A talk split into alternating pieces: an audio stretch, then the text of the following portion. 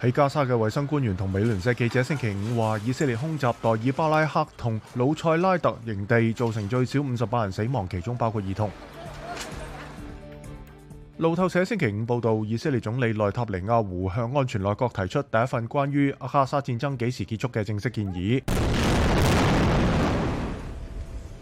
西班牙东部城市巴伦西亚两栋住宅大厦星期四发生火灾，造成四人死亡，另外有十九人失踪。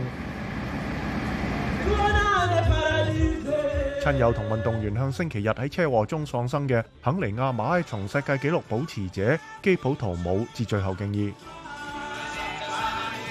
最後一日對奧地利前總理庫爾茨嘅審判喺星期五展開，佢被控喺國會對政府涉嫌貪污嘅調查中作出虛假陳述。